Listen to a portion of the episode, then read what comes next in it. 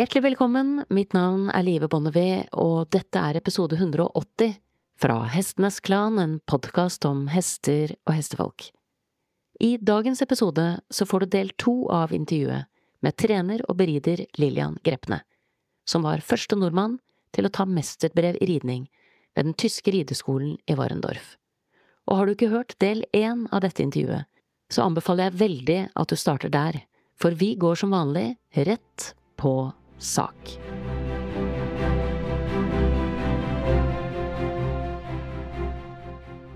Jeg fanget opp, opp, det også under undervisningen i dag, at det var en hest som ble mm, engstelig for noe ved banen. Ja. Uh, og så sa du 'sett ord på det'. Ja. Hun red rundt i ridhuset. Hesten hadde aldri vært i dette ridhuset før. Og eh, for noen år tilbake så arbeidet jeg Jeg var ansatt tre år som ridelærer for det ridende politiet i Oslo. Og en hest den har litt annet syn enn vi har. Vi vet ikke hvordan øynene helt virker, men de ser ikke sånn som vi ser. Det er i hvert fall helt sikkert. Ja. Og så red hun rundt ridehuset, så nede på bakken ved døren inn til kasinoen, til kafeen, sto det et sånt kostestativ til å børste av ridestøvlene sine for å komme inn. Og det lå liksom litt nede på gulvet, og så kom den opp mot det i skritt, og så var den liksom sånn opala. Og så begynte han liksom å backe av og stoppet litt opp og hadde lyst til å gå andre veien, og, og, og, og så sier han nå må du sitte stille. Bena mykt inn, sitt stille, så sier du det er et kostestativ. Eller det er en jakke. Eller det er Mange tenker det er ingenting. Jo, det er en jakke som henger over vantet. Så det å sette ord på ting gjør at hesten sier 'Å, det er en jakke som henger over'. stedet Istedenfor å si det er ingenting, så sier han 'ja, men det er jo noe'. Se sjøl at det er noe, da. Så akkurat det den damen som red nå i sted, det var faktisk litt morsomt. Det var en meget søt hest. Virkelig fin hest. Og den var litt sånn forsiktig. Var litt sånn forsiktig når jeg gikk banen. Tittet litt og var litt sånn forsiktig sjel. Så vet du hva, det kan hende at du syns han er litt irriterende, for det er litt sånn, titter litt, og hun, hun syns ikke det, da, men kanskje hun syns det at den var litt irriterende. Så vet du hva, denne hesten her, vet du, før i tiden, når du red ut i krigen med en hest, den hesten der, den skal du ha.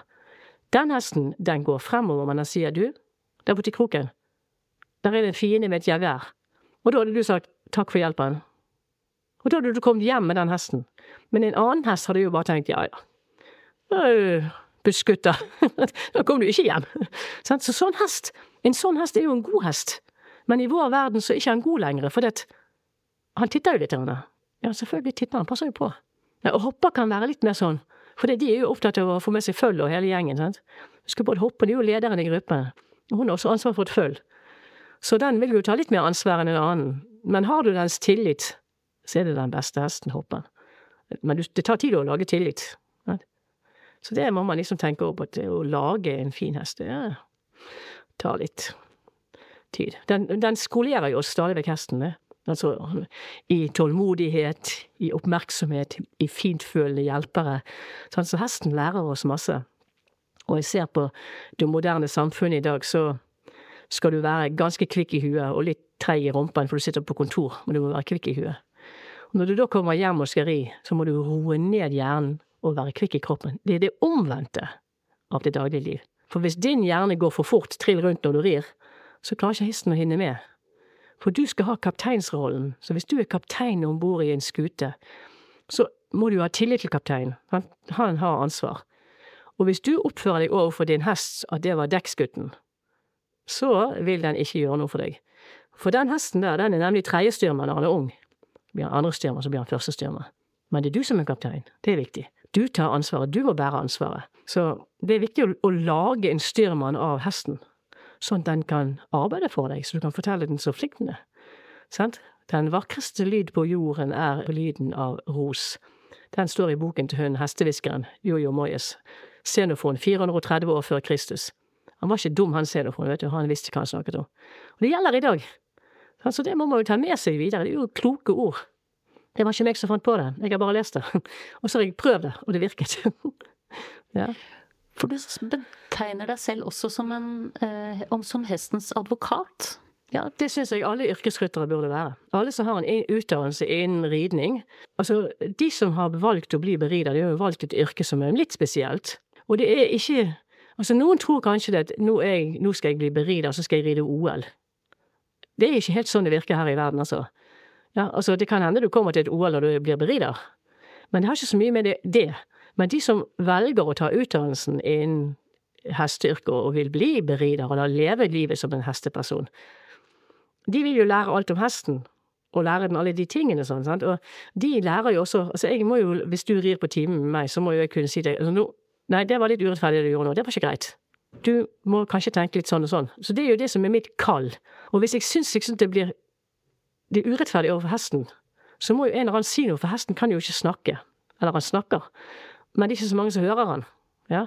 Så da må man liksom forstå det der med at altså, Da føler jeg at jeg må si noe, at det der var ikke greit. Det er ikke sånn du gjør det. Så jeg syns for eksempel at hvis du har ridd en konkurranse, eller du har ridd en hest i dag, den er litt svett, ja, og så hiver du inn i boksen, og så går du hjem. Altså, det er ikke greit for meg. Jeg syns du skal liksom tørke over han i ansiktet med en klut, og svampe over han i salleiet. Og hvis han er tørr før du drar, så syns jeg du skal børste over han med en børste. Bare sånn at han kommer inn i stallen og ser fin ut. At han ikke liksom øh, Jeg tar jo også en dusj når jeg kommer hjem. Altså, det syns jeg er litt viktig. Det hører til. Og hvis ikke du liksom har tid til det, altså, finn på noe annet. Kjøp deg et par ski. Vet ikke. Altså, man må liksom ha tid til å være med hesten. Altså, det tar litt tid. Alle vi som har hester, sånn, alle som hører programmet her nå, de har hest. Jeg kommer klokken tre. Ja, nå er klokken halv fire. Hvor vet jeg det? Ja, jeg tok litt tid. Ja, de gjør alltid det. Dessverre. Ja. ja. så det er liksom litt sånn at man liksom Det er viktig for meg. Jeg setter ikke hesten min, hiver ikke hesten min inn i boksen. Jeg, det er alltid liksom i orden. Det er viktig for meg. Det er viktig for meg å få lov å Jeg liker ikke å komme til en oppsalet hest. Jeg liker å børste over den selv, og så ta på den. Tar, samtidig som jeg tar på den, visiterer jeg den. Og samtidig så føler jeg hvordan hesten er. Og så liker jeg å være litt kjent med hesten. Altså hvordan er han? Jeg vet ikke om du la merke til det når jeg underviste i dag, det har jeg faktisk lagt merke til at jeg gjør sjøl. Når du kommer nå inn i ridelsen med din hest til meg, så henvender jeg meg alltid til hesten først. Og jeg er veldig lenge med hesten, før jeg i det hele tatt ser på deg. Jeg spør ikke hva du heter, ingenting. Jeg er bare opptatt av hesten, ser på hesten, tar på hesten. Tar innover meg hesten, du forteller meg hvor gammel den er og hva du holder på med hesten. Jeg har ennå ikke sett på deg.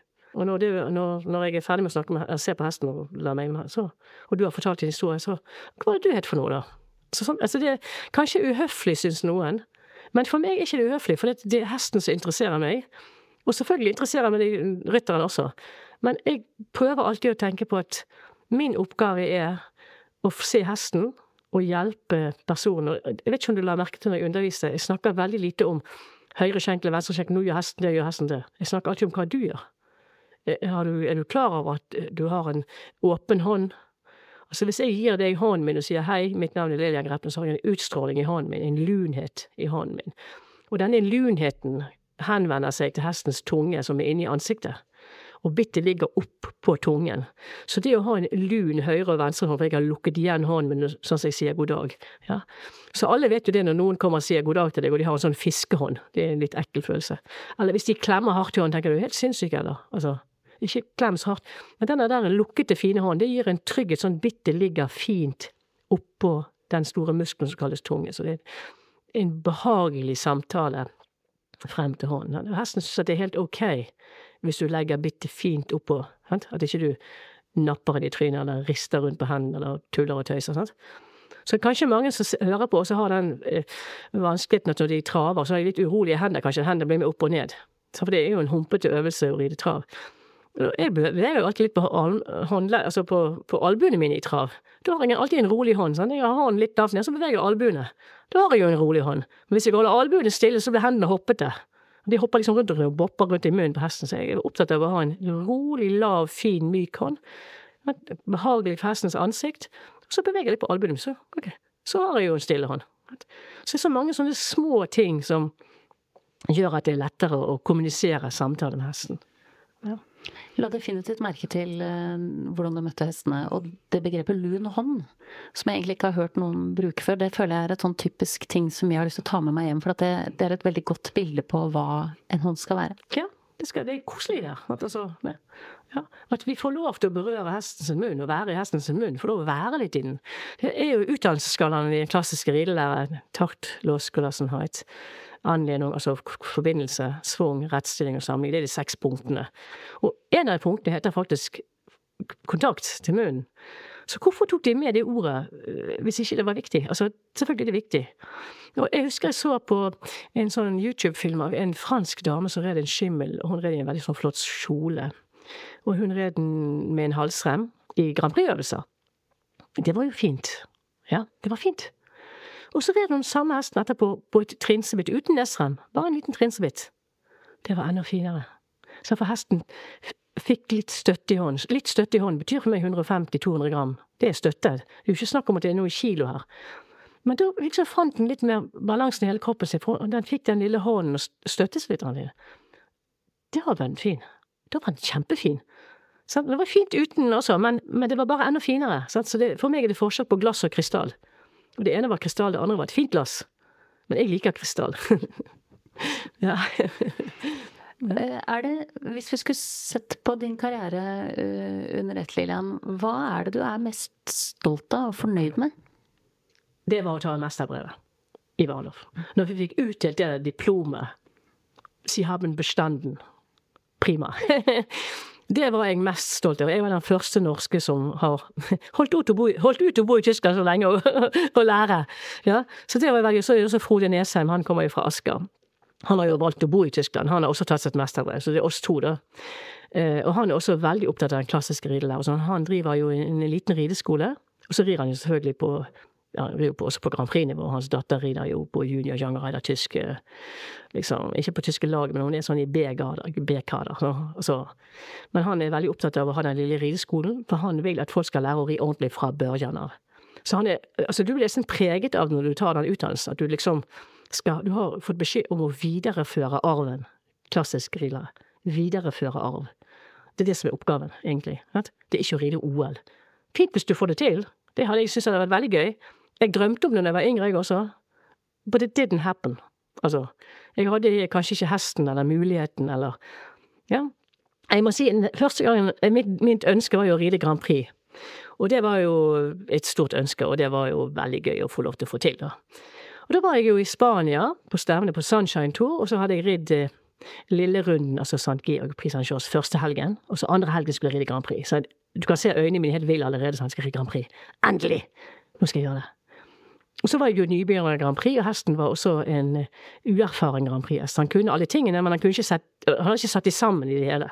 Så han kunne liksom ikke rekkefølgen, for å si det helt enkelt. Ne? Og jeg rir min Grand Prix, og jeg er veldig glad, og det er veldig gøy. Og jeg var jo nybegynner i Grand Prix, så jeg red sikkert i 61% og det er jo en flott ting for en debut. debut altså, vi har ikke gjort det før. Og det var så gøy, og jeg var ferdig å ri, og så kommer jeg tilbake igjen til stallen, og det var jo Og jeg smiler jo fremdeles. Og så tenkte jeg så, ok, så nå er jeg her i Spania, jeg har kjørt lastebilen ned, jeg er min egen hesteplasser, jeg er sjåfør, jeg er treneren min, og jeg er rytteren min. Hvem skal jeg snakke med nå om hvor gøy det var å ri Grand Prix? Hadde ikke noe team med meg rundt. Det var helt en nedtur. Så alle som vil gjøre noe, om det nå er en islandshest som du gjerne syns er kjekt å holde på med, eller om det er en galoppsport eller travsport Men man må ha det teamet rundt. Det er uhyre viktig med team. Og nå ser jeg noen ganger Jeg, jeg dro veldig jeg, var, jeg har ridd veldig mye stevner selv, og jeg har vært med mange av mine elever på stevner også. Nå gjør jeg ikke så mye det. Nå har jeg hellige helgekurs og underviser flere, og jeg syns det, det gir meg mer tilbake, gleder meg mer enn å reise med én person. I hvert fall så tenker jeg sånn, så disse her litt yngre rytterne sånn, og også voksne, og så, da har du foreldrene som er dine sponsorer. Så man må liksom lære å omgås den sponsoren på en høflig måte, for det er jo læring. For senere så kan ikke dine foreldre betale for deg lenger. Når du er liksom ute av redet, kjøp din egen hest, eller finn noen til å kjøpe den. Og da må du øve deg på det å danne et team rundt deg, folk som vil hjelpe deg og vil være med deg rundt. Så det er, god, det er ganske viktig å lære det, syns jeg. Sånn at du ja, altså Jeg lærte det i Spania og tenkte hva gjør jeg her i Spania? Jeg er helt gal, eller? Jeg har kjørt fire dager, jeg har ridd Grand Prix, gud hvor gøy. Men jeg har ingen å være med. Så da tenkte jeg du har gjort noe feil, Lillian. Du får heller ri på nasjonale stemmer i Tyskland. Der har du dine venner, og du vi går ut og spiser pizza etterpå, og så snakker vi Alle som har ridd, vet jo at du tar ett minutt å ri en sprangbane, og så tar det to timer å fortelle om den sprangbanen. Hvordan, hvor gøy det var å hoppe de hindrene. sant? Hvis du rir feltritt, så er det enda lengre historie, for Det tar jo lengre tid. så det er liksom forståelsen av å ha folk rundt seg som vil en godt og støtter en og er mentorer og hjelper til. De skal man være grei med, for ellers vil ikke de være med deg. Sant? Lyst til å ta fram en ting til også som jeg merket meg når jeg så deg undervise, um, og det var at du sa om hesten, den første ekvipasjen jeg så i dag, nå ga han deg blomster. Ja, det var gøy, for det er en veldig fin hest. Den er meget erfaren, og hun er ikke fullt så erfaren. Og det er en veldig god kombinasjon. Jeg syns at hvis du er en litt uerfaren rytter, om du er voksen eller, eller en uh, ung rytter, ponirytter, så kjøp en erfaren hest, for du kan lære så mye av den erfarne hesten. Og når du er sånn som Lillian, eller du har ridd litt mer, så kjøp en ung hest, så kan du lage deg en ung hest. Men en ung rytter og en ung hest, det er veldig vanskelig. Men denne rytteren, hun har jo tilegnet seg en meget god sits, hun satt jo fint på hesten, og det var en deilig hest. Og jeg har undervist henne sikkert fem-seks ganger. Og, eh, og, så red hun inn i, i, i Hun red i galopp, i høyre galopp. Og så misforsto hesten litt, så da byttet den galopp til venstre galopp.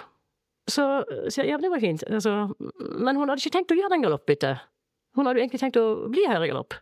Så jeg ja, men du skjønner det, nå ga han deg jo blomster. Han han Han trodde at kroppen din, dine kroppstegn, du var litt uvøren i kroppen din. Han tenkte hun skal sikkert ha et bytte, så kan jeg bytte. Så da gir han henne en blomst. Og da pleier jeg å si til meg sjøl, nå legger jeg den blomst på hyllen, tusen takk for blomstene, jeg skal se på den seinere. Og så rir jeg videre. Mens mange sier 'Jeg vil ikke ha blomster'. For de får jo aldri mer blomster, så da blir hesten veldig sjenert og ikke tør å gjøre Og så Den blir redd for å gjøre feil, og da gjør han heller ingenting. Så det er viktig å forstå når hesten gir deg noe, at du tenker 'Å ja, takk'. Ja, ja. Sånn som noen rir for eksempel, la oss si samlet skritt, så begynner hesten å piafere. Det var ikke det jeg ville. Så kommer vi to år ned i gaten. Ja, nå vil jeg skal piafere. Nei, nå vil jeg ikke piafere. For du har jo sagt at han skal ikke piafere. Og så vil de ha blomstene. Så min hest i skritt kommer litt tilbake, eller jeg leier en, en ung hest i grime og begynner å piafere. Så jeg jeg, ja, det, det kan jeg sikkert bruke om en stund. så fint han gjør det, da. Så liksom, da ser jeg litt gjennom fingrene og tenker Roland, ja, ja. Det kan jo bli gøy, vet du. Så, det, det, så da bare det, Ja, du må ha litt sånn sjarm, litt forståelse for den hesten gir deg noe. At ikke du bare tenker Gud, hvor dum han er. Nei, han er ikke dum, skjønner du. Jeg har sikkert truffet mange flere dumme mennesker enn hester. Det er sikkert, altså. Ja, hester er veldig fine dyr. Veldig sjelden jeg har møtt en hest og jeg tenker den der var ikke så smart. Det tror ikke jeg, jeg tror kanskje to ganger jeg har tenkt den der var ikke så smart. Men det er sånn som med hunder, og noen hunder er jo ikke så smart. Men det er ikke så veldig mange av de. Det er litt, litt flere mennesker, syns jeg. Får det noe å si for din tålmodighet eh, når du underviser, i forhold til at du blir mer tålmodig med hestene enn med menneskene, eller hvordan slår det ut? Det er jeg helt sikkert. Jeg har alltid vært mye mer tålmodig med dyr enn med, med mennesker. Før var jeg litt mer eh, hissig på mennesker. Hvis de ikke de forsto noe. Er du helt eh, Altså hva er det med deg, liksom? Ja. Men nå jo, har jeg jo en viss alder, du har liksom fått en viss pondus, kaller man det kanskje, da. Så nå er jeg litt mer sånn, ok, du forsto det tydeligvis ikke. Så jeg skal forklare det en gang til. Så forklarer jeg det en gang til. Og så kan hende du forsto det. Så du la kanskje merke til det når jeg underviser i dag, at jeg prøver å liksom forklare det litt sånn litt enkelt. Sånn eh, Men enkelt Altså, det er jo kanskje litt Jeg forklarer det ikke enkelt til deg fordi tror ikke, fordi jeg tror du ikke er smart nok, men jeg forklarer det så enkelt at du forstår det. Ja. For jeg er veldig nøye med forklaringen Sånn, så hvis jeg skal kjøre hit, så må jeg kjøre forbi Menybutikken, så kommer det et skilt inn til venstre. Ester en fartsdump, og der står det et eller annet eh, Jeg bare tror det sto vannverk eller sånt. Da vet jeg at jeg skal inn der. Men hvis ikke, hvis du glemmer å bare si det er en lang strekning, så skal du inn etter strekningen. Det er en litt dårlig forklaring for meg. Jeg må ha den menybutikken på høyre side. Så må jeg ha det veiskilt inn til venstre der. Og da forstår jeg det. Sånn. Så jeg er opptatt av det når jeg forklarer ting i ridning også, at Forklarer det litt sånn, litt sånn eh, enkelt, på en måte. Sant? Det er akkurat som du som lager pannekaker. Jeg sier ja, det er kjempeenkelt å lage pannekaker. Du har eh, egg og melk. Å ja, det glemte jeg å si til deg. Skjønner du? Så du må liksom ha med deg ingrediensene, folk forstår. Såpass basic. For de fleste mennesker er faktisk ganske intelligent. Ja, og hvis jeg kan forstå det som er helt alminnelig intelligent, så går jeg ut fra at de andre forstår det også. Altså sånn, altså det, er ikke, det, er ikke, noe sånn der eh, hokus pokus eller hjerneforsking. Det er liksom, Hvis du gjør litt sånn, sånn så er det det, det, det hesten forstår. Det er denne her. Det, det, det, sånn har hesten lært det opp. Så jeg hadde det veldig kjekt i dag, for det var en, en litt eldre hest, en 15 år gammel hest, og den var utdannet i Tyskland. Så sier jeg til henne, du, når du leier denne hesten i Grime dette beitet sånn, går den fint ved siden av deg? Ja, kjempefint! sa jeg, vet du hva, det vet jeg, fordi den er oppdratt i Tyskland. Der har de jo avlet hest i alle år, sant, da er hesten her, og jeg er her. Og hesten ikke opp på meg, der er din plass, her er min plass. Fint. Så, så du gjør sånn, og sånn så fatter den opp, ja, riktig. Ja, det har den lært. Så han får huske på at i litt større land, Holland eller Tyskland, sånne store avlsland, også i Danmark også, sant, så er det ofte profesjonelle som rir inn hestene. Og da er det De vet jo hvordan altså, Det og det betyr det, det og det betyr det, det betyr det. Sant? Og da vet hesten det, så kan det. Men han lærer jo like, like fort dårlig som riktig.